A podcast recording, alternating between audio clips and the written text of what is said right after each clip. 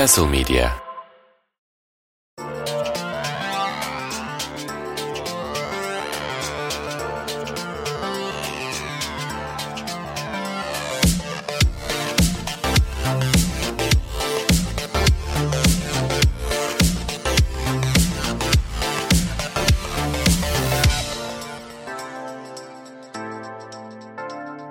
Castle Medya'dan herkese merhabalar. Gölgede ve Güneşte'nin 14. bölümüne hoş geldiniz. Ben Nihat Güven, Onur Özgen ve Fikret Özer'le birlikte haftalık futbol sohbetimize başlıyoruz. Muhteşem üçlüler denildiğinde ilk akla gelen trioları şöyle sıralayacak olursak elbette biz o listeye giremeyiz. Şöyle bir düşünüyorum. Patates, ketçap, mayonez var. İşte deniz, kum, güneş var. Aragorn, Legolas, Gimli var mesela. Buna benzer çok sayıda önemli üçlü var hayatlarımızda. Metin Ali Feyyaz demedin Yani en klasikleri diye onu söylemedim. Ama yani ne yalan söyleyeyim Nihat Onur Fikret üçlüsünü de özlemedim dersem yalan söylemiş olurum. Bugün tam kadroyuz ve haftalar süren bir bekleyişin ardından böyle Van Basten, Gullit, Rijkaard üçlüsünü en sonunda bir araya getirmiş olan Arrigo Sacchi gibi heyecanlıyım şu anda. Onur hoş geldin abi. Hoş buldum. Evet uzun süre sonra yeniden üçümüzün beraber olması güzel. Johan Cruyff özel bölümünden herkese merhaba. Fikret hoş geldin. Merhaba, hoş bulduk. Evet, Katar'da düzenlenen 2022 Dünya Kupası'nın bünyelerimizde bıraktığı etkiyi özellikle de final maçı sonrası oluşan hislerimizi ve işte bu çevreye dönen fikirlerimizi konuşacağız. Ayrıca geride kalan hafta sonu Castle Media Twitter hesabından bir duyuru yapmıştık ve bizlere ileteceğiniz sorularınızı bu haftaki programda yanıtlayacağımızı belirtmiştik. Evet de bunu yapmayacağız diye muzurluk yapasım geldi ama şaka bir tarafa bizlere teveccüh gösteren kıymetli dinleyicilerimizden gelen sorulara da sohbetimizin akışı içerisinde yanıt vermeye çalışacağız efendim. Onur seninle başlayalım. Ben hemen öncesinde Gölgede ve Güneşli'nin sıkı takipçilerine küçük bir özürvari bir şey de iletmiş olayım. Yani şöyle ki turnuva boyunca yaptığımız tüm yayınlarda organizasyonun ihtiva ettiği şeyler hakkında duyduğumuz rahatsızlıkları biz sık sık dile getirdik buralarda ve belirli ölçüde tekrara girmiş olduk. Özellikle de moderasyon açısından şimdi düşünüyorum. Sözü ben arkadaşlarıma her bıraktığımda işte abi organizasyonun muhtevası bizi şu açıdan mutsuz ediyor ama biz sahaya dönmeye çalışalım gibi kalıplar kullanmak durumunda kaldım.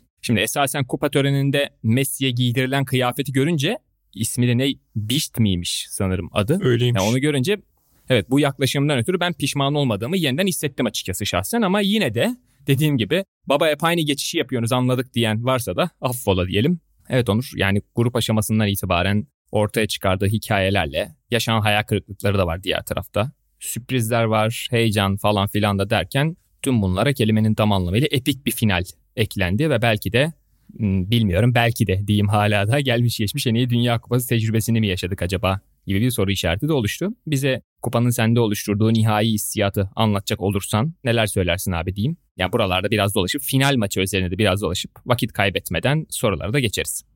Evet yani vallahi güzel turnuva oldu. Bir kısmın öyle bir beklentisi vardı gerçekten bu sezon içi de düzenlenecek ilk turnuva olduğu için. Oyuncular işte daha formda geleceği için böyle bir beklenti vardı. O beklentinin net olarak karşılık bulduğunu söyleyebiliriz. Belki işte grup maçlarındaki ilk iki hafta bir soru işareti yaratmış olabilir insanlarda çok parlak değildi ama o zaten genel olarak bu turnuvaların klasik bir başlangıcıdır. Grup maçları biraz daha ihtiyatlı başlar. İşte takımlar daha az risk alır. Çünkü yani hiç galip gelmeden 3 beraberlikte gruptan çıkıp daha önce şampiyon olan takımlar gördük. Bu tip turnuvalarda işte benim en son aklıma şey geliyor. Euro 2016'da sanırım Portekiz 3 beraberliği vardı değil mi? Grupta galibiyeti yoktu.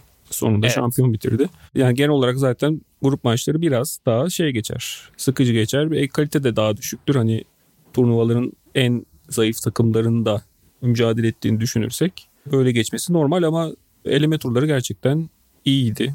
Yarı finalden itibaren daha da iyi maçlar seyrettik. E, finalin hikayesi bambaşka oldu. Aslında Mbappe'nin ilk golüne kadar 2-1'e kadar çok tek taraflı bir maçtı. Bu beklentilerin dışındaydı bu anlamda. Yani sanırım büyük çoğunluğun kalbi Arjantinliydi ama aklı biraz da hani Fransa daha oturmuş bir takım olduğu için biraz da hani favori görülüyordu. Ama sahada Arjantin'in çok büyük bir baskınlığı vardı. Ama bir anda çıldırdı maç. İki dakika içinde Mbappe'nin bir penaltı bir e, harika bir verkaçla bulduğu golden sonra. Bu çıldırışı da ben şeye bağlıyorum. Yani takımların artık biraz aklı tamamen geri planda tutması ve tabiri caizse içlerinden geldikleri gibi oynamasına bağlıyorum.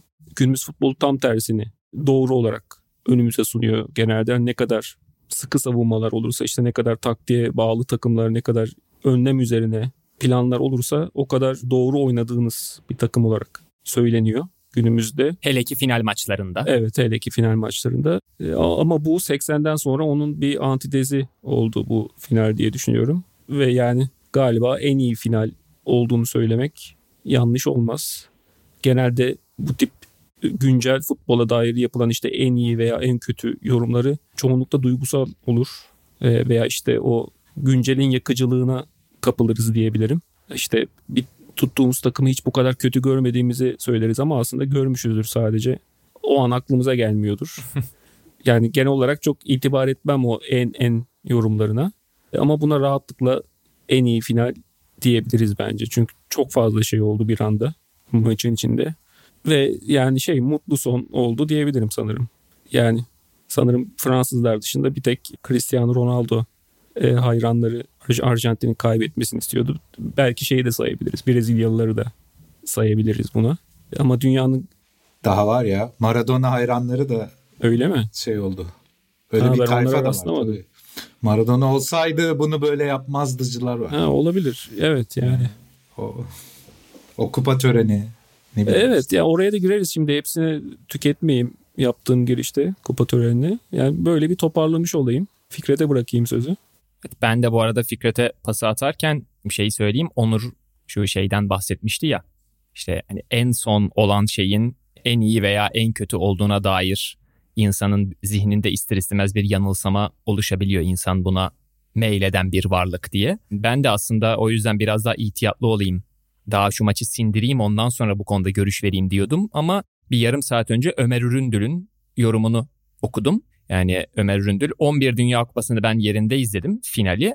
Bundan önce bana sorduklarında en iyi finalin 86'daki Arjantin-Almanya finali olduğunu söylüyordum. Ama artık birinciliğe bu maçı koyuyorum dedi.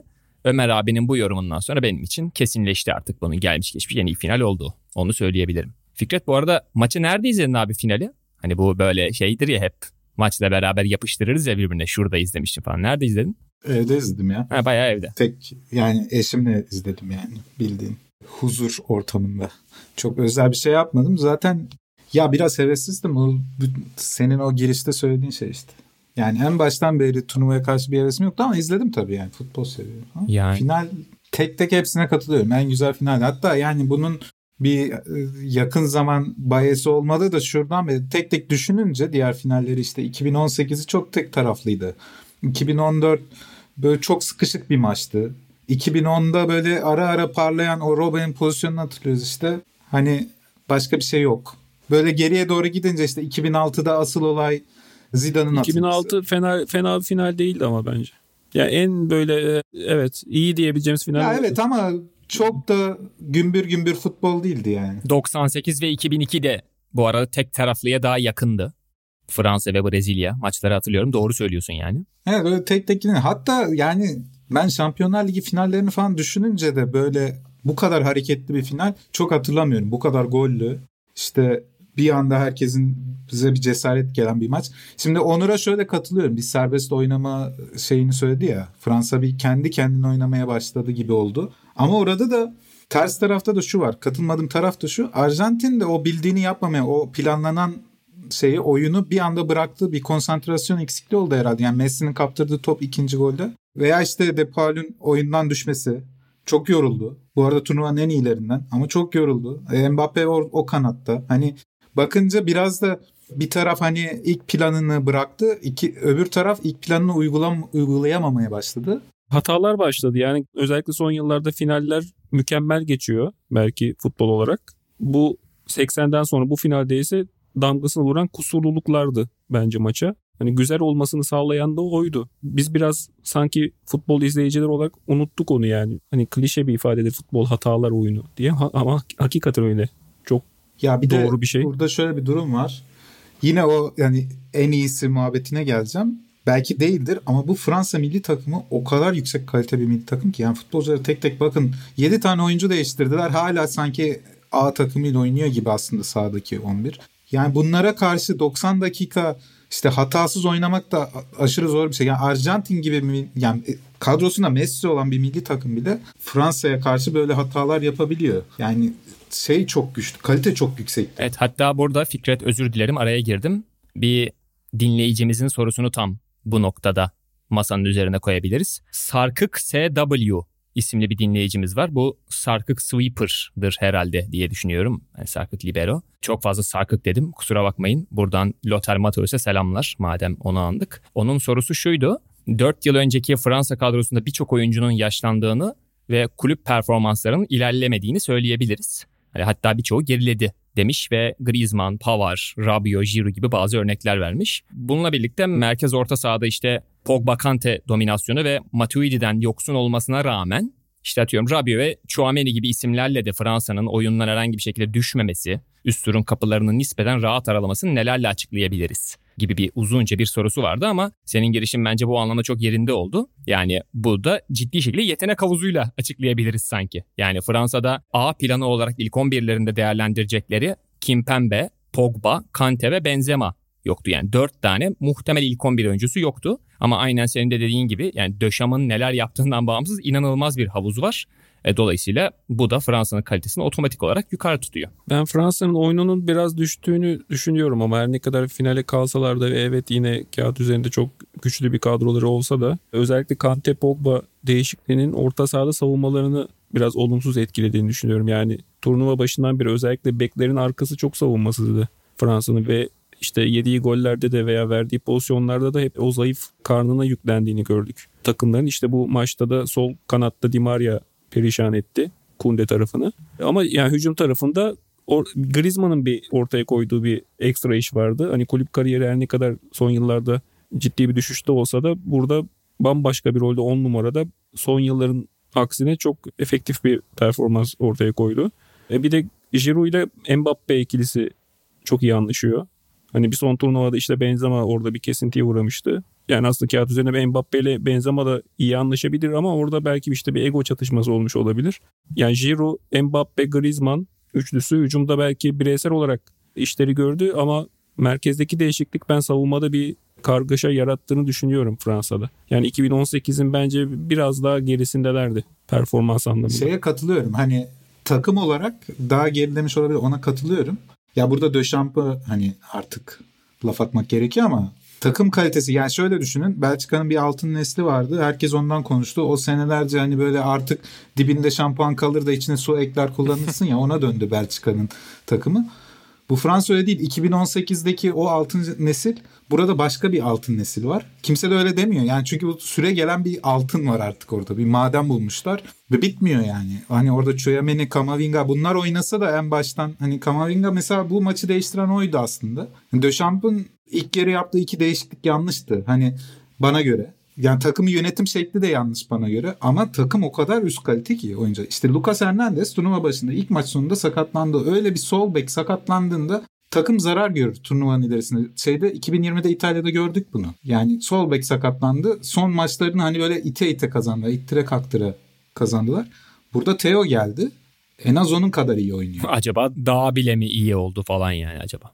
O derece. Ya bence en iyi sol bek turnuvanın altın 11'de yazılabilir. Zaten bir sol bek kıtlığı vardı genel olarak turnuvada. Doğru. Ve şöyle düşünün bunu muhtemelen oynamayacaktı Lucas sakatlanmasaydı. Diğer Hernandez sakatlanmasaydı. Ya aynı şey Pava için de geçer. Pava yedekte oturuyor ama Bayern Münih futbolcusu. Daha iyi oldu ama sanki. Tabii tabii bence de daha iyi oldu. Theo'nun oynaması yani hücumda biraz daha çünkü hücumda daha iyi bir oyuncu Theo. Yani biraz daha şey nispeten dağınık gitmiş olduk ama Fikret'in dediği yere ekleyeceklerim benim de. Yani Fransa'da yani şuraya bağlamış olduk. O kadar üst düzey bir oyuncu havuzu var ki turnuva öncesi eksiklerine veya turnuva içerisindeki eksiklere rağmen hala daha kenarda aslında işin içine dahil ettiğinizde ciddi verim sağlayabilecek çok sayıda oyuncu hala da var. Bu anlamda da ben bir Koman eleştirisi ekleyebilirim buraya. Özellikle de yani Dembele'nin final maçındaki performansından sonra A planında Dembele olması Dembele'nin güncel Barcelona sezonunu göz önünde bulunduracak olursa çok abes değil. Ama Koman gibi hani çok fazla kariyerinde üst düzey maç oynamış bir oyuncuyu bu kadar yani hiç süre vermeyip final maçının o sözünü ettiğimiz sıra dışı bölümünde işler artık olmayacak gibi göründüğünde oyuna atması o bana biraz garip geldi. Orada birazcık hocayı eleştirebilirim diye düşünüyorum. Komanda şöyle bir şey var. Yani belki onu düşünmüştür. Ya bu arada Döşamb'ı ben her türlü eleştiririm. Hani yaptığı hiçbir şey hoşuma çok gitmiyor ama Komanda şöyle bir şey var. Koma'nın iyisi ve kötüsü arasında yani iyi günüyle kötü gün arasında dağlar kadar fark var. Ve hangisine denk geleceğini bilmiyorsunuz. Ama yani final maçında oynadığı gibi oynarsa işte diğer futbolcuları rezil eden bir oyun stili var. 2-3 defa yerde süründürdü rakiplerini çalım atarken. Yani oynamasını isterdim bu arada. Doğru söylüyor. Dembele'nin yerine oynamasını isterdim ama herhalde orada bir marka da giriyor işin içine. Yani bir Barcelona markası var bir tarafta. Gerçi öbürü de Bayern'de ama. Yani. Yani yine de Barcelona hani marka olarak düşünsen. Ama haklısın yani sana orada hak veriyorum. Yani anladığım kadarıyla finali izlerken benzer hisleri herhalde paylaştık. Çünkü herkes maçın gidişatına dair yani Fransa'nın 70 dakika yaklaşık 70-75 dakika önce sirklase olduğu işte şutları yok galiba 60-65'e kadar kaleyi şutları yoktu falan. Arjantin'in ise dersin nispeten daha iyi çalışmış bir görüntü verdiği, Fransa'nın savunma tarafındaki eksiklerinden kendileri adına pozitif faydalandığı gibi tespitlerimiz var ki herhalde herkes aynı şeyi düşünüyor. Yani Fransa'nın savunma çizgisi maçın başına neden bu kadar gerideydi ben şahsen anlamadım. Keza Arjantin yine oyunun yönünü terse çevirmek yani bir tarafa yüklenip Di Maria'yı Kunde ile birebir bırakmak konusunda hiç fena iş çıkarmadı. Yani Fransa'nın bu derece hazırlıksız yakalanmış bir görüntü vermesi beni çok şaşırtmıştı ama yani maçın unutulmaz maç olmasında sanırım bunların da bir etkisi vardı herhalde.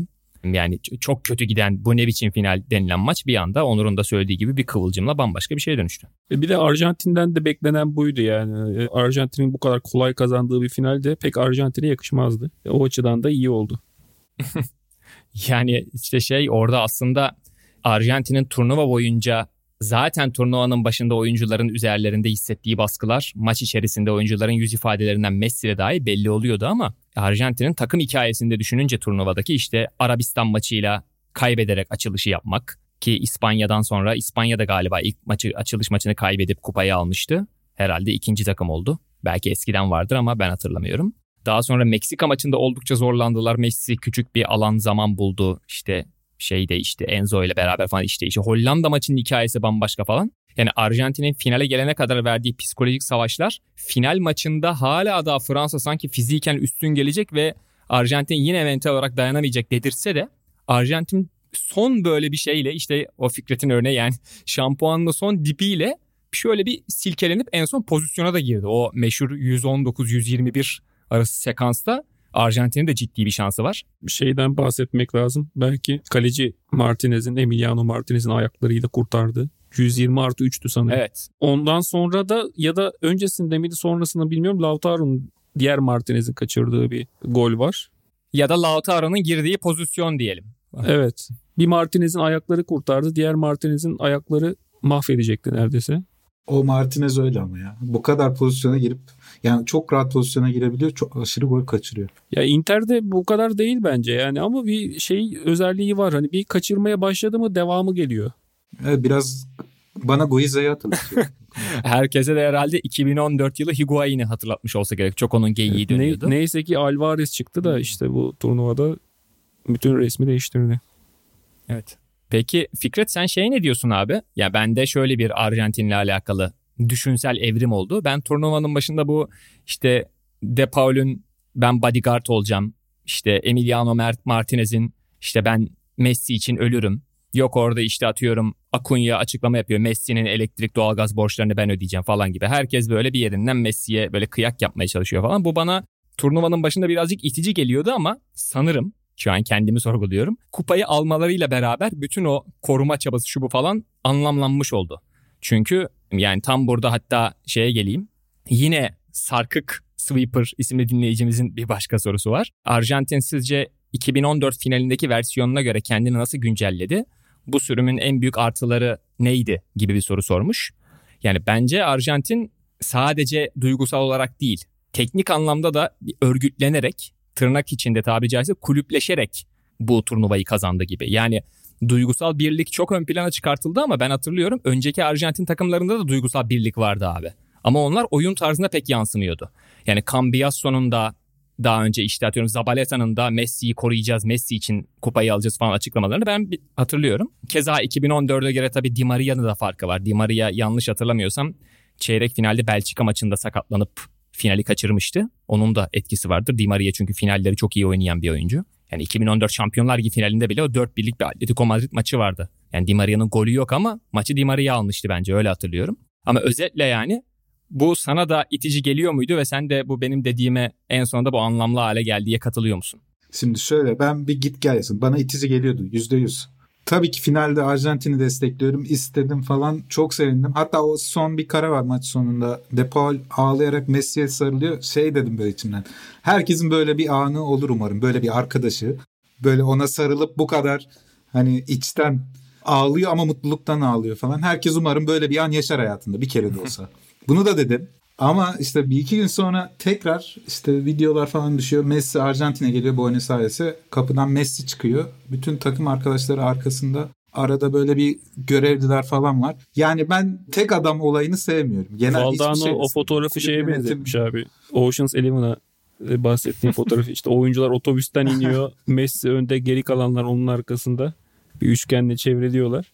Ya olabilir tabii bakış açına göre de değişiyordur. Tabii. Ama bu işte mesela bunu Valdano Messi'nin özgürleşmesi olarak yorumlamış. Sen tam tersi e, hoşlanmadığın bir fotoğraf olarak. Ya evet anlatı önemlidir böyle şeylerde. Hani bunu tutup öyle de anlatabilirsin. Benim anlattığım gibi de anlatabilirsin. Evet. Bir tek adamlık mı var acaba? Diğerleri çok mu geri planda kaldı? Yıllar sonra konuşacağız bu Messi'nin kupasıydı. Yani De Paul'u unutacağız mı mesela burada?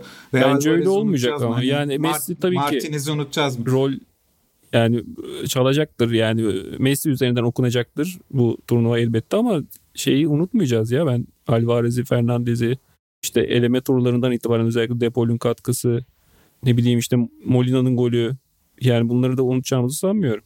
İşte burada şuna biraz mutabık kalmak lazım. Güzel karşı hani birbirinize karşıt gibi karşıt olmasa da çapraz gibi diyeyim bir şey söylemiş oldunuz ama şunu nasıl hatırlıyorsunuz onu sorayım size. 2014'te dahil olmak üzere Arjantin'in bundan önceki başarısızlıkları turnuvalarda ya Messi işte bak buralarda bir şey yapamıyor olarak mı okundu yoksa abi Messi'ye yeterli desteği veremiyorlar bu adamlar. Bak Messi'ye destek verildiğinde Barcelona'da neler yapıyor gibi mi okundu? İki şekilde de okundu. İnsanlar biraz yani işlerine nasıl gelirse öyle okumayı tercih etti. Ha yok şey diye diyorum yani hani Messi'nin kredi alması geçmiş dönemde hep ona yükleniliyordu dengesizliğini mi dengeliyor acaba? Yoksa Fikret'in dediği gibi önceki başarısızlıklarda da zaten Messi'ye hiç kimse bir şey demiyor. Herkes takım arkadaşlarına yükleniyordu. Şimdi kupa geldi bu sefer de herkes Messi aldı diyor. Bu haksızlık yani hanginize daha yakınım onu ben de tartmaya çalıştım. Tam karar veremedim.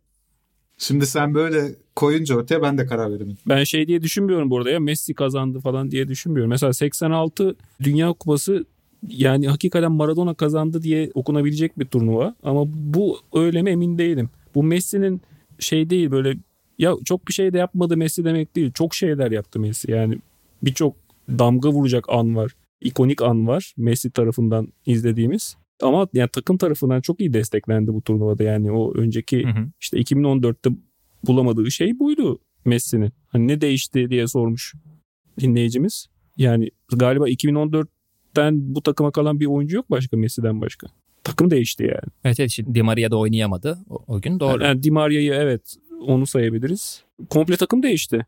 Ya ben hep şey diyordum o zamanlar Arjantin için hatta yazmıştım da. Arjantin'in o muhteşem nesli de diyebiliriz ona. Hani o 2014 kadrosunda çok iyi isimler de var. Daha öncesinde de var. Ya Arjantin ama bize hiçbir şey vermedi o süreçte. Yani ne oy bir oyun aklı verdi ne izlerken maçı bir zevkli oldu falan. Hiçbir şey vermedi aslında bana göre yani. İşte ben yani böyle diyorum bize vermedi. Yok ben dediğine katılıyorum. Ben de işte o dinleyici sorusuna tamamen o yüzden bu cevabı verdim. Yani duygusal birlik yine vardı ama o duygusal birliği oyuna yansıtan bir Arjantin vardı. Bence farklılık oydu yani. O yüzden katılıyorum bu son dediğine. Evet bir de Arjantin o zaman yaptığı şey klasik Güney Amerika takımı futbol oynuyordu. Oyunu yavaşlatıp hani yeteneğiyle bir yerde bir şeylere gitmek.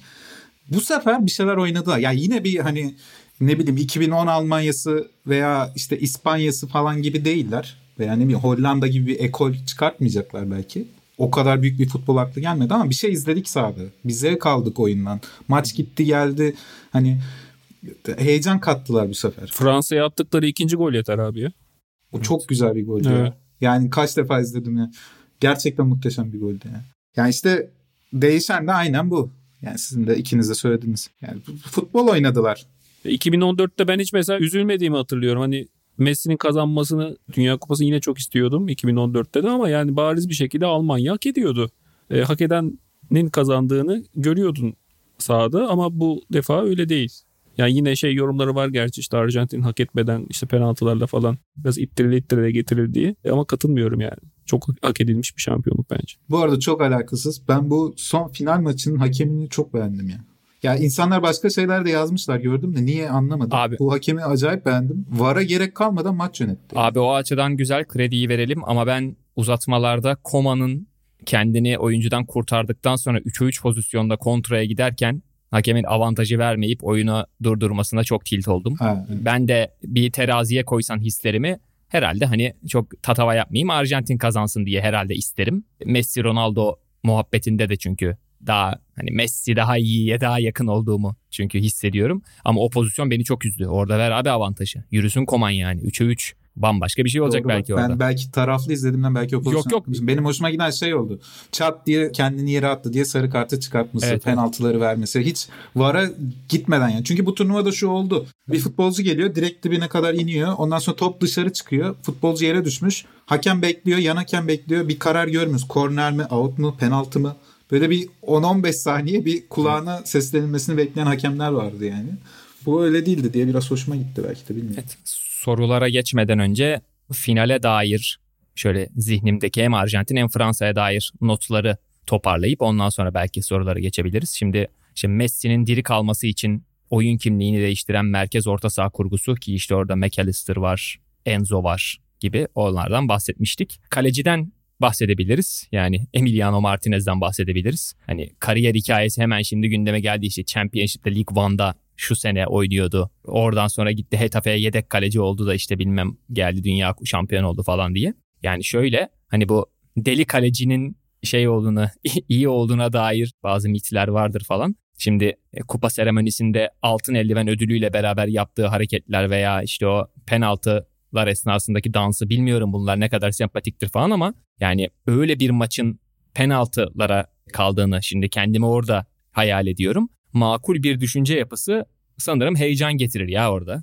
Yani biraz deli bir kaleci herhalde. Oradaki delilik diyeyim biraz Arjantin'in avantajı oldu. Loris'in daha makul duruşuna karşı bunu söyleyebilirim. Yani dolayısıyla orada o deliliğe sahip olmanın getirdiği avantajdan bahsedebilirim ki 123'te yaptığı kurtarışı unutulmaz olacak gerçekten. Ve bence turnuvanın kalecisiydi ama yani biraz sevimsiz bir kaleci olduğunu kabul etmek lazım. Zaten ödülünü de aldı. Orada şeyi de yapmışlar. Hugo Lloris'le Martinez'in penaltılar öncesi, penaltılar sırasında davranışlarını karşılaştırmışlar falan. Bu delilik orada da onu anlatmışlar işte. Burası benim evim. Hoş geldiniz. Bana şimdi şut atacaksınız. Ben istersem kurtarırım, istersem gol istemezsem de gol olur gibi. Hani böyle bir davranış paterni var. Ona da Volkan Demirel demiştim ama o bu biraz fazla oldu. biri Guiza, biri Volkan. Arjantin'e dair son olarak şuna da kesin bir dokunmuş olalım diyeceğim şey benim için Scaloni hoca. Yani o sözünü ettiğim işte duygusal birliğin oyuna da yansımasını sağladı e, oyuncular falan dedim ama tabii ki de burada bir numaralı krediyi belki de hocaya vermek lazım. Taktiksel açıdan da yani işte Hollanda maçında üçlü mü çıkmıştı? Doğru mu hatırlıyorum? Tam bilmiyorum ama hani oradaki dokunuşu evet. biraz işte orada üçlü savunmayla dokundu. Hırvatistan Brezilya'yı geçtikten sonra işte Modric, Brozovic, Kovacic ağır bastı. Paketa ve Casemiro karşısında o merkeze önlem almak lazım gibi bir fikir çok basit de olsa oluşuyordu ve gerçekten orada galiba daha merkezde kalabalık, üçlü dörtlü bir kalabalık merkezde Hırvatistan'a karşı çıktı. Orada o dokunuşundan bahsedebiliriz. Son olarak da aslında yine çok acayip bir dokunuş olmasa yine de Di Maria çünkü atıyorum ilk 11'e atılsa bile sanki sağ tarafta başlar diye hayal ederdik. Ben en azından öyleyim. Finaldeki Di Maria dokunuşu ve onu solda başlatması ve Di Maria'nın genelde birebirlerini zorlayacak şekilde bir pas kurgusu oluşturması falan hocayı da övmek lazım. O da bu işin üstesinden geldi ve Copa America neydi aradaki adı Finalissima mı? İtalya'yı yendikleri. O ve Dünya Kupası ile beraber inanılmaz bir milli takım kariyer başlangıcı oldu Scaloni'de. Evet Menotti ve Bilardo'dan sonra tarihe geçti. Değil mi? Ve galiba en genç kupayı kazanan Menotti'den sonra ikinci teknik direktör oldu. Menotti 39'unda almıştı 78'de. Ha ben kesin en gençtir diye düşünüyordum ya. Pardon. Vay Yok Scaloni 44. Yani ondan sonra ikinci genç, en genç olması lazım. Hmm. Evet bu da bu da bir bilgi. Enough internet for today oldu benim için. Fransa'ya gelecek olursak da zaten biraz biz girişte eleştirileri yaptık Döşam'la alakalı. O Muani ve Turam'ın oyuna girmesi Dembele ile Giroud çıkmıştı herhalde. Orada sanırım özellikle de Giroud'da bu finalden önce işte bir hastalık oldu falan filan şu Piers Morgan kafadan hasta olduğu için işte bilerek zehirlediler falan gibi saçma sapan şeyler söylemiş ama yani bir şekilde bazı sağlık sorunları oldu. Özellikle de Giroud'a sanki hani böyle iyileşmeye çalışmış Hoca kendimi deneyeyim demiş ama tam da böyle o e, hastalığı üzerinden atlatamamış gibi bir izlenim vardı. Belki de alakası yok bilmiyorum ama ben öyle hissettim. Vallahi ilk yarıda takımı prese çağırıyordu. öyle mi? yani şuraya geleceğim. Muani ve Turam'ın oyuna girdiği o dakikalar hoca da finalden umudu kesti. Takım hiçbir şey yapamıyor. Allah ne verdiyse sahaya atayım gibi bir anlam ifade ediyordu sanki ilk anda. Ama maçın sonlarına doğru gördük ya abi orada hani Fransa'nın evet taktik olarak hani yenemeyeceğiz Dolayısıyla fizik olarak biz bu adamlara çökelim başlarına falan gibi bir yere gelmiş olduğu o an sahanın içindeki takım Kamavinga'nın arar sol bek olması falan. Dolayısıyla aslında Döşama da orada bir şöyle ufaktan ne kadar isteyerek ne kadar tercihen yaptı bunu ama orada bir kredi oluşturabiliriz sanki. Scalone'den bahsettik Döşam'dan da son bir bahsetmiş olayım. Ya işte bu kazanan her zaman haklıdır muhabbeti var ya o değişikliği yaptığı oyun döndü ya. Değil mi? Muani de atsa gol. Ben hala ama ben hala yanlış olduğunu düşünüyorum. Yani o dakikada tamam oyuncu değiştirebilir 2-0 yani kupa gidiyor ama takım ileri çıkamıyor. Top yapamıyor. Şut atamıyor. En öndeki adamı çıkartıyor. Yani hani mantık olarak da biraz ters geliyor bana. Ciro kalabilir. Kamavinga girecekti. Yani ben ben öyle düşünüyordum. Orta sahada bir sıkıntı vardı. Orta sahayı Arjantin ezdi bir şekilde. Bilmiyorum biraz şans gibi. Hala yani tabii boş atıyorum ama öyle geliyor bana yani. Belki döşem sevmediğimden. Hep burada ön yargılar var. Duygusal izlediğim için finali kalan kısımda sorulara geçtiğimizde zaten buraları da konuşalım dediğimiz şeylerin üzerinden geçmiş olacağız. Geçmeden evvel son olarak Fransa'da Mbappe'den bahsedebiliriz bence. Yani o da işte 23 yaşında oynadığı iki tane Dünya Kupası'nda şimdiye dek yaptıklarıyla keza kendisi de dahil olmak üzere takım hiçbir şey yapamıyorken Onur'un bahsettiği kıvılcımı yakmasıyla ve acayip baş kaldırısıyla takdiri hak ediyor. Bu zamana kadar gölgede ve güneşte ekibi olarak Mbappe hakkında söylediğimiz olumsuz şeyler, olumlu şeyleri geçmiştir muhtemelen bu programda. Onun o şımarıklığı, işte ara ara ninja kaplumbağalıklar yapması falan. Ama gel gör ki yani dünya şampiyonu olabilirdi iki defa üst üste ve geçen kupada hadi o takımın bir parçasıydı diyeyim. Yine önde gelenlerinden bir tanesiydi ama daha parçasıydı olarak okuyabiliriz o turnuvayı ama bu sefer aldı takımı şampiyon yaptı diyecektik. Ve yani kalecinin kalede büyüdüğü Emin'in o pozisyon olması Muani o golü aslında çok acayip bir şeyi yapmış olacaktı Mbappe. Onu da söylemek lazım. Diyecek bir şey mi? Çok iyi bir turnuva geçirdi yani. Yani Pele'den sonraki ikinci Dünya Kupası ikonu olacak gibi görünüyor. 2018'de de çok iyiydi. Bunda da çok iyiydi. Ve yani kazanamasa da bu defa Messi'den sonra ki 10 yılın önümüzdeki 10 yılın en büyük futbolcusu olacağını bence gösterdi. Geçen geride bıraktığımız yılda Haaland biraz e, o rekabette sanki geride bırakmıştı şeyi Mbappe'yi biraz. Ama bu Dünya Kupası o anlamda da ciddi bir güç gösterisi oldu Mbappe adına. Fakat yani şu an işte 24 yaşında artık bir biraz Paris Saint Germain'den çıkış yapma zamanı geldi diye düşünüyorum ben. Daha çok kendisini daha geliştirebileceği, daha göz önünde bir lig ona iyi gelecektir diye düşünüyorum. Yani biraz daha az para kazanmayı göze alıp artık artık bu Real Madrid mi olur, Premier Lig'de bir takım mı olur bilmiyorum. E, ama bence bir tercih yapmalı. Güzel. O zaman iyice ikonikleşsin diye Haaland da Manchester City'deyken kendisine come to Manchester United diyorum Mbappe. Hani hem Messi, Ronaldo gibi oradaki rekabeti de çok fırsatçısın ya. üzerinden büyütür.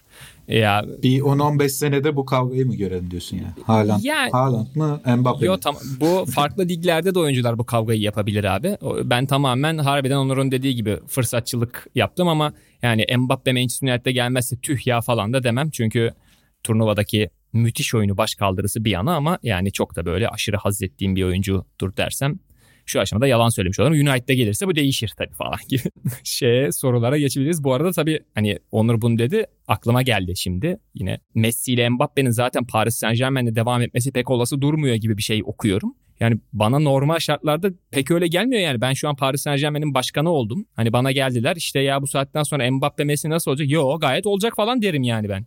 bilmiyorum ama herhalde o maç içerisinde Twitter'da fotoğraflanan o sevinçler falan zaten çok birbirlerine haz etmeleri ortada tamam ama yani neden oynamasınlar ki ben oradaki o konsensusu pek anlamadım. Zaten bu saatten sonra oynamazlar. Yo oynarlar bence. Oynarlar bence de oynarlar ama hani şey Mbappe'nin attığı golden sonra Messi'ye bir yumruk hareketi oldu. Evet. Hani pe- birbirlerinden pek haz etmedikleri aşikar bir de Neymar şeyi tebrik etmiş.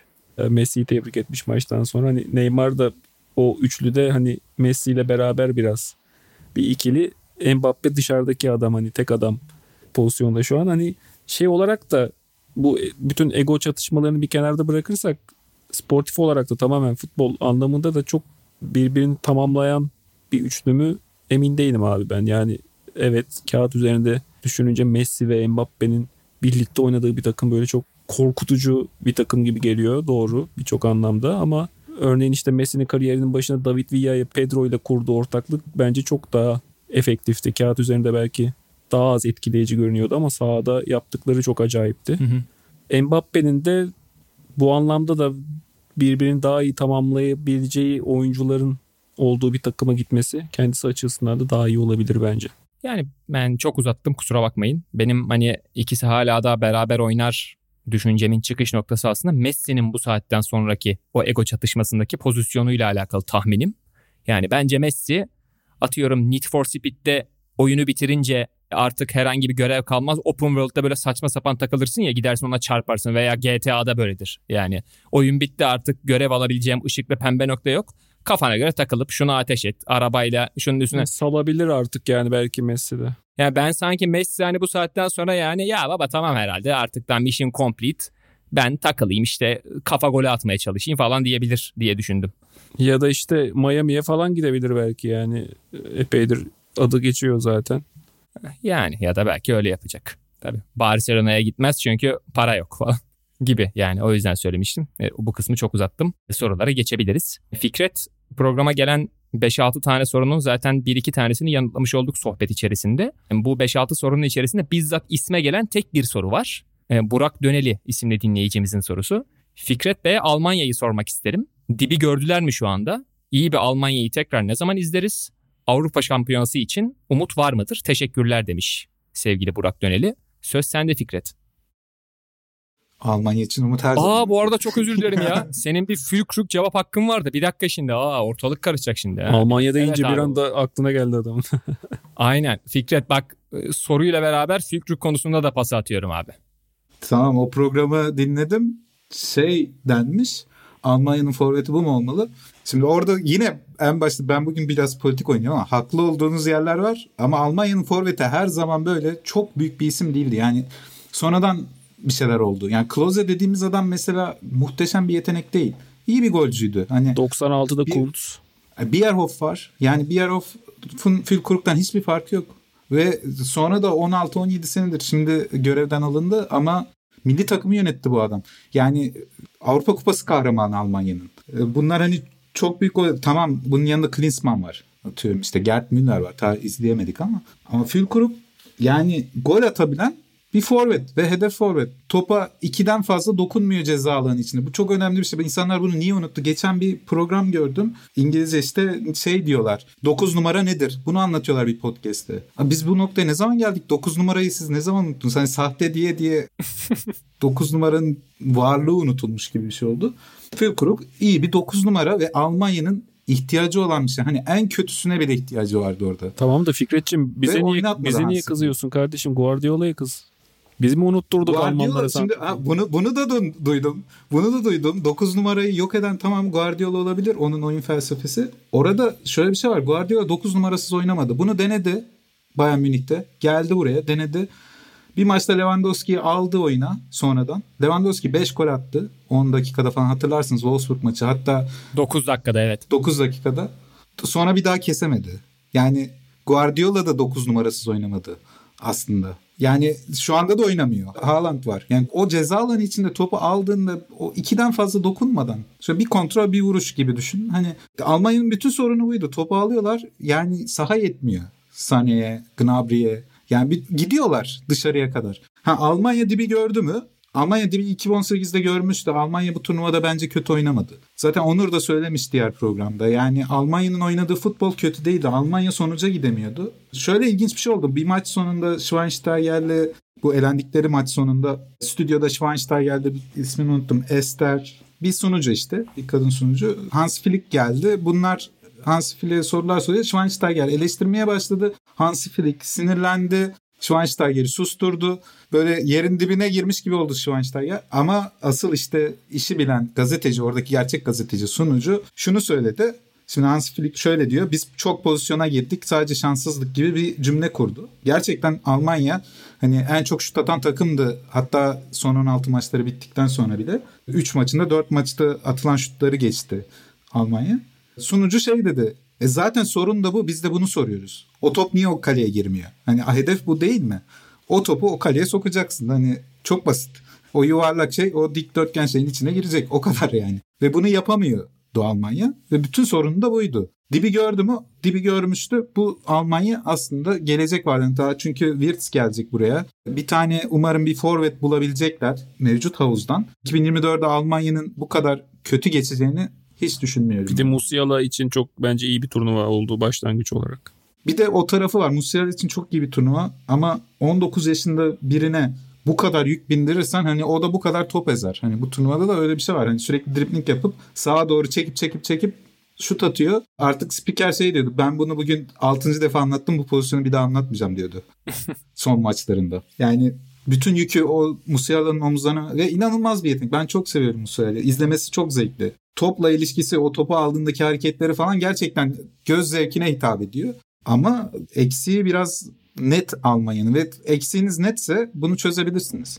Yani orada bir forvet lazım. Ama şeye şaşırdım. İşte Bierhoff ayrıldı. Artık e, yöneticisi değil milli takımın. Hala danışman olarak devam edecek. Şimdi bir grup oluşturdular Almanya'da danışman grupları. Burada Oliver Kahn var. İşte Rumenige var herhalde. Birkaç isim daha var. Yine bir eskiye doğru gitme telaşı gelmiş gibi geldi bana. Ben böyle şeyleri daha önce de söylemiştim. Ne öyle eski teknik direktörleri geri getirmeyi ne de çok nostaljik yaklaşmayı sevmiyorum. Hani de gelecek planlarını. Öyle bir durum var ve hala Müller'in oynayabileceğinden falan bahsediyor Hansi Flick. O taraftan biraz tatsız ama Almanya'yı ben kötü bulmuyorum. Şimdi eğlenmiş Japonya'ya yenilmiş bir takıma nasıl böyle diyorsun diyebilirsiniz ama kötü bulmuyorum. Japonya gayet şanslıydı. Ya bir de böyle bir şey var. Bazı şeyleri abartıyoruz. Japonya Almanya maçında Almanya ilk yarıdan 5-0 yapabilirdi o maçı. Hani o kadar çok pozisyona girdi ki 60-70'ten sonra artık iki tane kontra atak yendiler. Hani o kadar basit bir durum vardı. Atamazsan işte atamayan atarlar. İyice klişeye bağlı. E, dur diye burada şöyle araya giresim gelmiş bir şey. Dikkat evet, duramadım. Dikkat duramadım, çağın çıkabilir de tehlike çanı vardı. Bir e, evet, program evet. Bülent Binbaş diye bir karakteri vardı. Yanında böyle rating metre. Ona böyle göz ucuyla bakıyordu. Rating yükseliyorsa o böyle bir bıyık altı sırıtıyordu falan. Fikret'in Fülkrük girişi bana tam onu hissettirdi. Ahmet Baba buradan harika gidiyor falan. Sonra şimdi atamayana atarlar falan gelince orada biz işte atıyorum şeylerin Saffet Sancaklıların torunlarıyız falan gibi böyle şimdi saçma böyle giresim geldi. O yüzden orada durduruyorum. Diğer sorulara devam edelim. Teşekkür ederim. Estağfurullah ben teşekkür ederim Fikret bu arada. Fülkrük konusunda Ali Murat Amarat dinlemiştir. Onunla da şey bir soru cevap yapmış olduk. Daha doğrusu karşıt görüş. Onunla yüz, yüz, yüz yüzeyken konuşuruz onunla. Güzel. Güzel. Sevgili tanıdık simalardan bahsetmiştik. Sevgili Çetin Cem Yılmaz'ın sorusu var. Ee, Çetin Cem Yılmaz'ı da dinleyicilerimiz Sokrates Podcast bünyesindeki İngiliz haftasının geride kalan sezonlarından aşina olmaları ihtimali var. Kendisi kupanın sürpriz oyuncuları kimlerdi? Özellikle daha önce yeterince izlemediğiniz ve size bu adam iyiymiş yahu dedirten oyuncuları merak ediyorum demiş. Ben hızlıdan en klasik olanları söyleyebilirim. Enzo Fernandez ve Julian Alvarez. Yani şimdi Enzo'da işte çift yönlülüğü, o Meksika maçında sonradan dahil olduktan sonra attığı gol yani final maçında hem işte pas istatistikleri hem ikili mücadeledeki rakamları falan çok etkileyici. Çok yönlülüğü beni çok etkiledi. Yani Dünya Kupası performansları kulüplerde aynı şekilde yansımayabiliyor. Aklımdaki soru işareti biraz o. Aklıma gelen mesela bir 2002 Klaverson var. Klaverson o Dünya Kupası öncesinde Atletico Paranense'de Avrupa'da pek ismini duyurmuş bir oyuncu da değildi. Ben tanımıyordum şahsen ama Scolari'nin o 3-5-2'sinde savunmanın önünde Gilberto Silva ile beraber acayip iyi iş yapmıştı. Ardından Manchester United'a gelip batırıp United'daki iki sezonunda Beşiktaş'a gelmişti daha sonradan. Hani Enzo ile alakalı da direkt gözümün önünde hemen o canlandı ama onun performansı bana Çetin'in sorusuna yanıt olarak söyleyebileceğim oyuncu gibi geldi. Bir de Julian Alvarez var. Yani çok komple bir oyuncu izlediğimi düşünüyorum ki ben Manchester City'de süre bulduğu dakikalarda bu derece alıcı gözüyle de izlememişim Julian Alvarez'i. Yani azmi, yırtıcılığı, nasıl söyleyeyim olgunluğu, doğal gol becerisi zaten var. Ama ben hani topsuz koşu... Bir de aşırı iyi bir insana benzemiyor Evet mu? evet yani doğru doğru. Yani topsuz koşullarında bağlantı oyununda yani ben bu saydığım hiçbir alanda henüz daha world class seviye görmedim. Ama şu gerçek var. Lionel Messi'ye Agüero ve Higuain gibi iki tane mükemmel forvetin bu zamana kadar yapamadığı yardımı yapmış oldu. Yani Guardiola tedrisatının burada pozitif bir etkisi vardır oyunun farklı alanlarında varlığını hissettirmesine. Ve ayrıca şöyle bir farkındalığa ulaştım ben yine kendimce. Guardiola'nın bu sezon başında Gabriel Jesus ve Sterling gibi kendi sistemindeki iki süper silahtan vazgeçmesini ben hep Haaland üzerinden okumuştum bu turnuvadan önce. Ama elde böyle bir cevherin olduğunu bilmiyordum diyeyim. 20 milyon euroya da kapattıklarını hatırlatabilirim. Dolayısıyla ben bu iki oyuncuyu söyleyebilirim. Buradan Onur'a döneyim. Onur senin bu adam iyiymiş yahu dediğin oyuncular kimler oldu?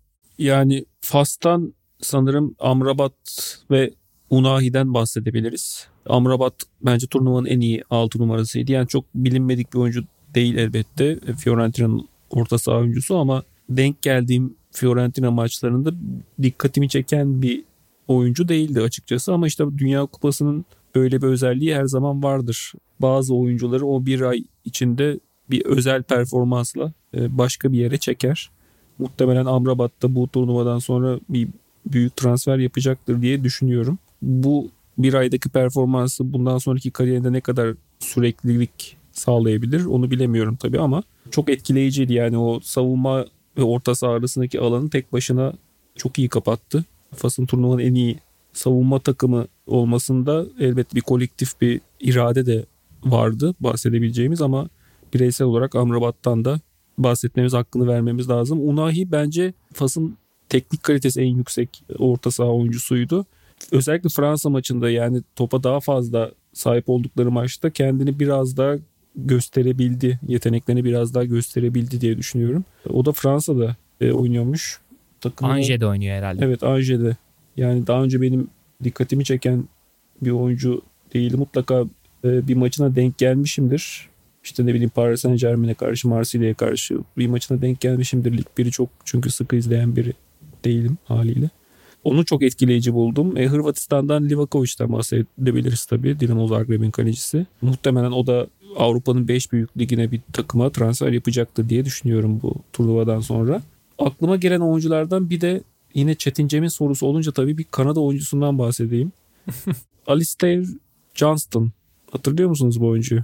Hmm, üçlünün tamam. üçlünün sağ stop, sağ stoperiydi.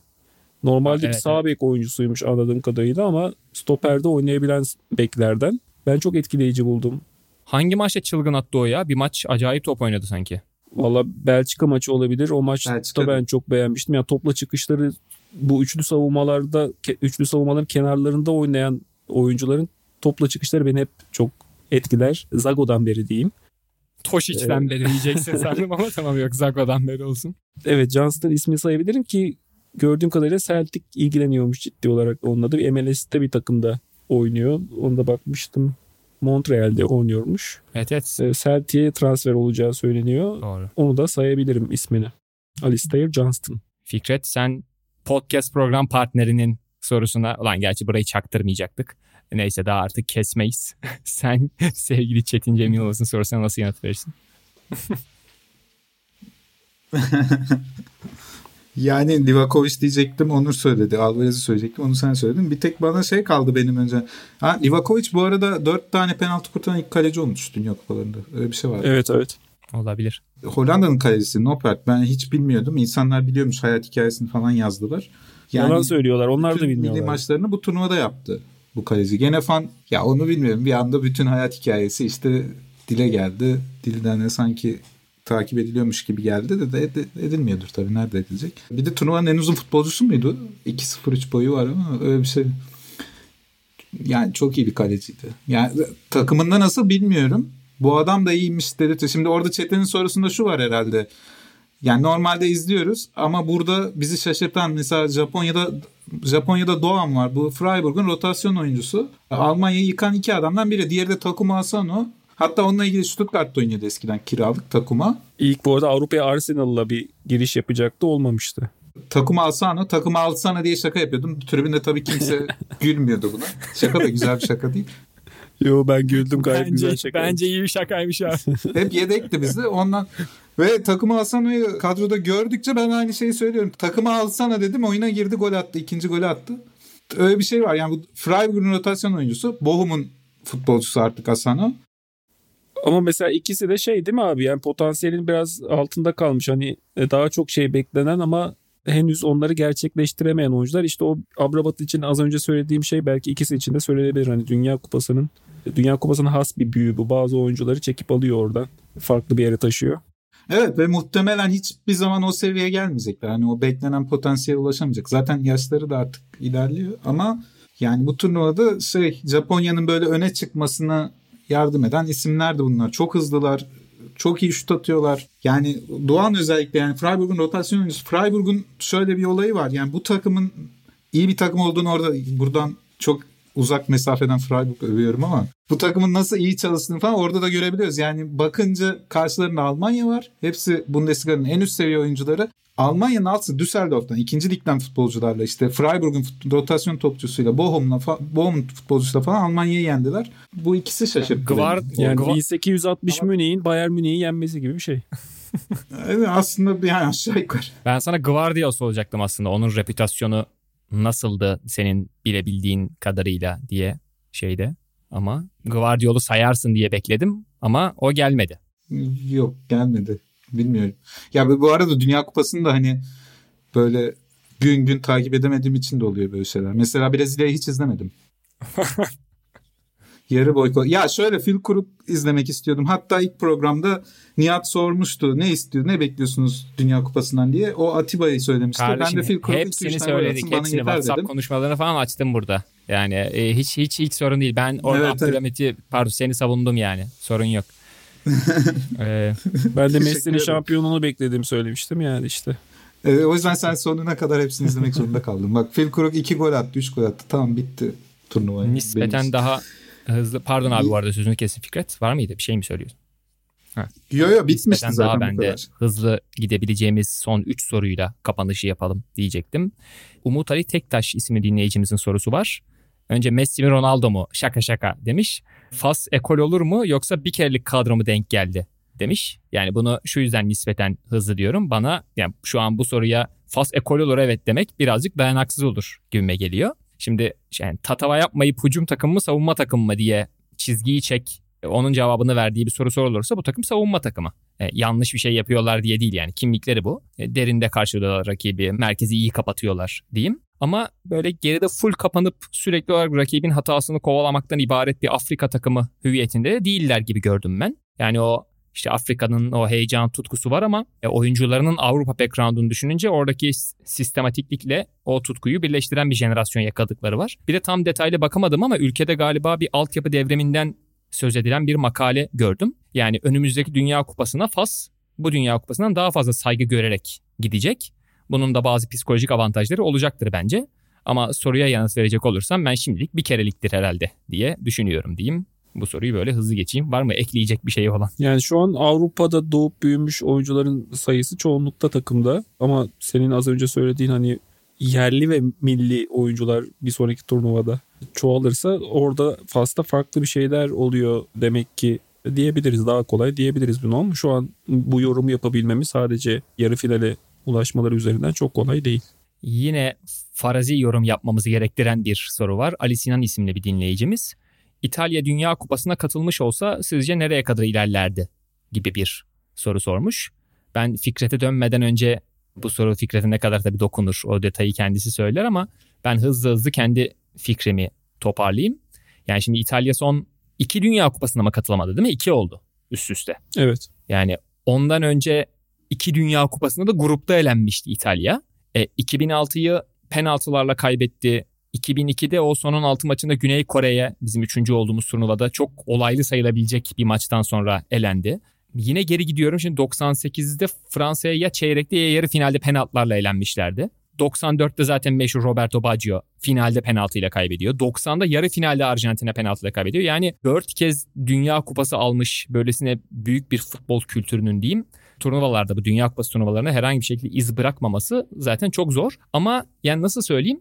Örneğin bu turnuvadaki İngiltere'yi düşünelim. Yani böyle sessizce elendi ya mesela İngiltere. Tabii ki de belirli bir sansasyon oldu ama yani çeyreğe kadar geldi. Takımın vaat ettiği bir potansiyel vardı. Elendiler ve kendilerine dediler ki çok fazla üzülmemize gerek yok. Çok iyi bir takıma Fransa'ya elendik.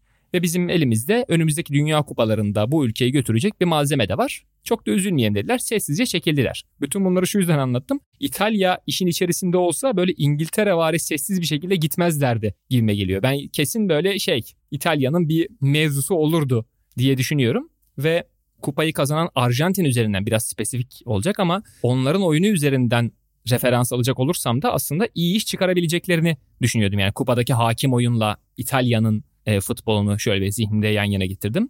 Tabii ki de bunu söylerken Fabio Capello gibi çok keskin ifadeler kullanmayacağım Capello turnuvadan sonra. Hatta ne turnuvası İspanya elendikten sonra işte çok şükür tiki taka bitti. Sahte 9 denilen şey de resmi olarak bitmiş oldu. Bunlar geçici çözümlerdir. Bunlar birer sistem değildir. Futbolda santrafor esastır gibi bir açıklama yaptı elendikten sonra. Yani işte bu 2012 İspanyası vardı hatırlarsınız yani kendi tarzında gümbür gümbür giden bir İtalya'yı finalde işte Xavi, Iniesta, Busquets, David Silva, Fabregas yani hiç santrafor olmadan böyle sirklase etmişti. 3-4 tane atmıştı. Yani bu turnuvadaki meta futbolun özetle o dönemki İspanya futbolu gibi olmayışı ve İtalya'ya daha uygun oluşu bana İtalya'nın da bu turnuvada sanki böyle pozitif bir şeyler yapabileceği gibi bir şey hissettiriyor. Çok uzattım. Xavi'nin de bir açıklamasını gördüm bu arada bugün. Xavi de şey demiş. Dünya Kupası'na neredeyse ben bütün maçları izledim. Çok az takım hücumcu bir yaklaşım sergiledi. Çoğu sonuç ve denge odaklıydı. Ben sadece İspanya ve Brezilya'yı bunun dışında gördüm. Onun haricinde geri kalan bütün takımlar rakibin hata yapmasını bekliyorlardı demiş. Bu da belki bambaşka bir uçta olabilir ama bu iki tarafa da gitmeden ben tam ortada pozisyon alıyorum ve İtalya turnuvada olsaydı onların o Arjantin'de şeyi övdüm ya işte atıyorum hani kulüpleşme gibi bir bütünleşme vardı. İtalya'da benim takip edebildiğim kadarıyla işte oyuncuların kulüp takımlarındaki rollerini kendi milli takım sisteminin iyiliği doğrultusunda eğip bükebilen bir takım. Keza aslında Euro 2020 şampiyonluğu da dahil olmak üzere bir 35-36 maçlık yenilmemezlik serisiyle geliyorlardı aslında. Kuzey Makedonya'ya elenmeden önce. Yani o yüzden e, biraz boş attım tabii ki ister istemez ama İtalya sanki böyle iyi iş yapardı gibi bir his uyandı bende. Fikret var mı? E, fikrin, daha somut bir fikrin. Yo çok güzel anlattın. Yani İtalya biraz hatta Arjantin'e çevirmen şöyle de iyi. Biraz yapı olarak da ben benzetiyorum. Yani bu takımdaşlıktan evet. bahsettik ya Arjantin'deki Messi için oynadığı falan hepsi bir oldu falan. Bu İtalya'da eğer ki denk gelirse ama yani İtalya biraz iki ucu keskin değnek gibi. Yani ne olacağı belli olmuyor onların. Ama şöyle bir şey var. Almanya'da biz İtalya mı olduk? Muhabbetleri dönüyor. Hmm. Bu dediğin şeylerden dolayı. Gruplarda eleniyorlar ya da gidemiyorlar falan. Biz İtalya mı olduk falan. Ama mesela buradaki insanlar şunu da biliyor. İta- ben 2012 miydi? Yok 2012'de İtalya onları eledi zaten. Bir turnuvada İtalya'yı başkası eleyince Almanlar şampiyon olmuş gibi sevindiler. Çünkü şeyi biliyorlar. İtalya'dan gelirse kendileri ne kadar iyi olursa olsun İtalya onları eleyecek. Hmm. Bunu düşünüyorlar hep. Ama İtalya böyle bir takım. Yani oraya geldikleri zaman o formoyla bir yani bilmiyorum ben eskiden beri desteklerim İtalya'yı. O insanların sevmediği futbolunu bile severdim. Yani elini kirletmekten korkmayan bir takım. Hani ne yapacağını o anda karar verip hani Onur en başta söyledi ya o hı hı. planı değiştirebilen takımlar izledik gibi bir şey söyledi. Yani onu işte İtalya yapabilirdi. Yani duruma göre şekil alıp hani daha esnek davranabilecek bir takım. Ha ama tabii şey de bilmiyoruz. Tabii farazi konuşuyoruz. İlk turda da takım içinde kavgalar çıkıp elenebilirler yani. o da var. Ki zaten konsantrasyon bozukluğundan dolayı da buraya gelemediler. Yani o Avrupa Kupası'nı kaldıran takım o futbolla rahatlıkla Dünya Kupası oynamalıydı. Olmadı. Evet. Çok enteresan. Son olarak daha önceki programlarda bir kısmını yayınladığımız bir soruyla Devon Kurent isimli bir dinleyicimiz gelmiş. Bu herhalde bir tür NBA kelime oyunu. Yeni Dünya Kupası formatı sizce seyir zevkini düşürecek mi artıracak mı? Gölgede ve Güneşte ekibi olarak bizi aydınlatabilir misiniz?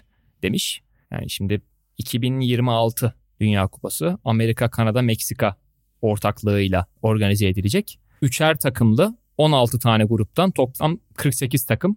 İlk iki takım bu üçer takımlı gruplardan üst tura çıkıp eleme oynayacak. Infantino onu Yani- değiştirebileceklerini söyledi son toplantıda. Yani Infantino dediyse Bu turnuvada dörtlü grupların iyi işlediğini gördük değiştirebiliriz dedi. bu turnuvada mı görmüş Onur onu? Bu turnuvada Dörtlü görmüş. grupların iyi işlediğini. Vay be. Te- tebrik ediyoruz Infantino'yu. Çok teşekkürler. Yani ben şundan biraz dert yanacaktım. Şimdi şöyle. Oradaki çıkış fikri şudur diye düşünüyorum şimdi şeytan avukatlığını yapıyorum. Daha fazla eleme maçı oynamak. Onur da programın başına demişti ya. Dünya kupalarındaki grup maçlarının genelde belli bir seviyenin altında kalması turnuva 4 yılda bir yapıldığı için hep unutulur. Her Dünya Kupası'nda da böyle ya aslında grupta pek zevkli de gitmiyor nasıl olacak acaba falan denir. Abi bütün Dünya Kupalarında gruplar zaten belli standartın altında. Şimdi daha fazla eleme maçı oynatmak o anlamda heyecan tarafına pozitif gelebilir. Öyle bir şey var ilk aklıma gelen. Soruyu yanıtlamaya çalışıyorum şu anda. Ki ilk Dünya Kupası'nın şöyle bir dezavantajı olacak. Bu epik finalden sonra bir sonraki Dünya Kupası'nın işi otomatik olarak biraz zorlaşacak yani. Çünkü hani herkes hemen bir öncekini gidecek. Of ne finaldi veya ne turnuvaydı. Bu çok sönük kaldı ya onun yanında falan denecek. Öyle bir şey var ama benim derdim futboldaki temellerle bu kadar fazla oynanması. Yani işte bu grup formatlara dahil olmak üzere 2024'te biliyorsunuz Şampiyonlar Ligi formatını. Yani 32 takımlı klasik formattan 36 tane takımı tek bir gruba attıkları yeni bir formata geçecek Bir de UEFA. 2025'te 32 takımlı FIFA Dünya Keza Kulüpler Kupası Tam geliyor. şimdi onu diyecektim. Tam şimdi onu diyecektim. Yani Kulüpler Dünya Kupası gibi sezon ortasında oynanan bir şeyi 32 takıma çıkarıp onu ne ara hangi takvime sokacaksın? Onu daha açıklamadılar. Yani işte bu hibrit offside'lar, uzatma dakikalarındaki kriterlerin değişmesi, işte turnuvadaki bu sertlik ayarı ki bu bence bu turnuvadaki hakem yönetimine de yansıdı bu söylediklerim. Yani sanki turnuvada bir yere kadar böyle şey kart çıkarmak yasak gibi bir şeydi. Sonra bir böyle bir serbest bırakıldı da şey oldu. Her pozisyon kart gibi bir şey oldu. Yani standartlara bu kadar fazla dokunulması ve yıpratılması gerek oyun içi gerekse de organizasyon olarak futbolla alakalı bu kadar fazla değişiklik potansiyelinin konuşulması beni birazcık rahatsız ediyor. Biraz da üst üste denk geliyor herhalde. Hepsi aynı anda konuşulunca yani yakında işte atıyorum taç ayakla atılsın ve aynı basketbolda olduğu gibi top dışarı çıkınca süre dursun. Giden şeyler de sanki böyle masanın üzerine gelecek. Aynı anda bu kadar fazla şey olması beni çok işkillendiriyor. O yüzden de Devin Kurant isimli dinleyicimizin dün- yeni Dünya Kupası formatı sizce seyir zevkini düşürecek mi sorusuna benim şu anki hissiyatım evet düşürecek şeklinde. Ben kısa ve net bir cevap verip hemen Fikret'e bırakayım sözü. Çeyrek finalden önce izlenmez o turnuva. yani kesin. 48 Ben de Dünya hani- Kupası olmaz abi. Yani zaten şeyde de gördük Avrupa Kupası'nda bile biraz şey düştü sayı artınca. Bir de burada tabii o gruplardaki yani duymuşsunuzdur. 3 takımlı olursa zaten problem açık. Son maçı oynarken birisi evinde yani otelinde izleyecek maçı. Yani o son iki takımın o maçı böyle kendilerine göre ayarlama şansı var. 4 takımlı olursa gruplar bu sefer maç sayısı böyle zaten son 32'ye kalınacak herhalde. Orada bir Evet. 16 maç ekleniyor zaten otomatikman. E bir de 4 takımlı olursa şimdi 12 grup olacak. Grup başına 6 maç var. 4 grup fazla. Yani oradan da bir 24 maç ekleniyor. Yani bir 45-50 maç fazla olacak. Bir de coğrafyayı düşünün. Dünyanın yarısında Dünya Kupası yapıyorlar. Hani Meksika, Amerika, Kanada aşırı büyük bir yer. Yani bir de bunun işte gazetecilerin falan oradan oraya gittiğini düşünsenize. Meksika'dan işte Toronto'ya uçuyorlar. Oradan bilmem nereye gidiyorlar. Hani bunun bir de getireceği yük var. Bir de hani konuşuyoruz işte bu global ısınmadır bilmem nedir. Böyle bir şey yapıyorlar. Aynı şeyi Avrupa Kupası için de yaptılar 2020'de. Yani garanti düşürür. Zaten kalite düşürür. Madem böyle bir şey yapıyor o zaman yazın 2 ay 3 ay şey gibi bu March Madness zamanı gibi Amerika'da kolej basketbolundaki onun gibi bütün takımları göndersinler. 250 ülke mi var artık kaç tane varsa. Hepsi orada oynasın baştan sona. Elemeleri de orada yapsınlar. Hani madem böyle bir işe kalkışıyorlar. Yani çok manasız geliyor bana şu anda yaptıkları şey ama yaptılar artık yani. Yine Katar muhabbeti gibi olacak. Evet yani benim de aynı kümede olduğum bir grup yeni Dünya Kupası formatını ve o formattaki sıkıntıları değerlendirirken işte üçlüden dört, dörtlüden üçlüye geçilmesi şöyle şöyle sorun olur falan filan diye daha düz değerlendirmeler yapabilir ama sadece gölgede ve güneşte ekibi bu yeni turnuva formatının dünyadaki karbon ayak izi sorununa daha ciddi şekilde etki edeceğini söyleyebilir. Dolayısıyla buradan Fikret'i tebrik ediyoruz bu duyarından ötürü. Bir sene pipet kullanmayız olur biter kardeşim ya. İşte bak taşa öze döndük bak. Ya yok insanlar şey zannediyor. Hani şöyle bir imaj oldu bu global ısınma. Şimdi bununla bağlamak da nasıl olacak bu programda ama sanki hani Kardeşim ö- övdüm yani sırf bunun altını çizeyim diye. O topa girdin bir kere olsun. Yani evet sanki bu kadar çok konuşulduğu için sanki hani buna özen gösteriliyor falan gibi. Aksine yapılan her şey daha çok karbon ayak izine sebep oluyor. Yani 2020 Avrupa Kupası böyleydi. Bu Dünya Kupası daha beter olacak. Orası daha geniş bir coğrafya muhtemelen. Yani neydi 16 bin kilometre mi ne yapmıştı yani İsviçre şeyde Avrupa Kupası'nda. Avrupa küçük bir yer. Yani orada bir kupa yapıyorsun bir tane ülkede yaparsın. Hani trenle gider gelirsin. Ya mesela o yüzden ben 2024 belki Almanya en son böyle tadını çıkarabileceğimiz her şeyi izleyebileceğimiz bir benim açımdan en azından bir kupa olacak gibi geliyor. Biz de sana gelip kalırsak bizim açımızdan da keyifli e, bir Ben olabilir. bekliyorum davet ettim İnanılmaz, zaten. İnanılmaz, inanılmaz tuzu kuru bir açıklama. Evinden belediye otobüsüne binip maça gidecek olan Fikret. 2024 tek izlenesi turnuva olacak. Sonrası bayat diyerek. çok samimi bir açıklama gerçekten. Çok Bugün çok objektifim fark ettiniz mi? Her şey Evet böyle- abi inanılmaz. Harbiden bugün programın başından sonuna kadar aynı çizgi. Tebrik ederim abi. Deyip bu haftalık programın sonuna gelelim. Gelecek hafta Gölgede ve Güneşte'nin yeni bölümünde tekrar görüşmek üzere efendim. Hoşçakalın. Hoşçakalın. Hoşçakalın.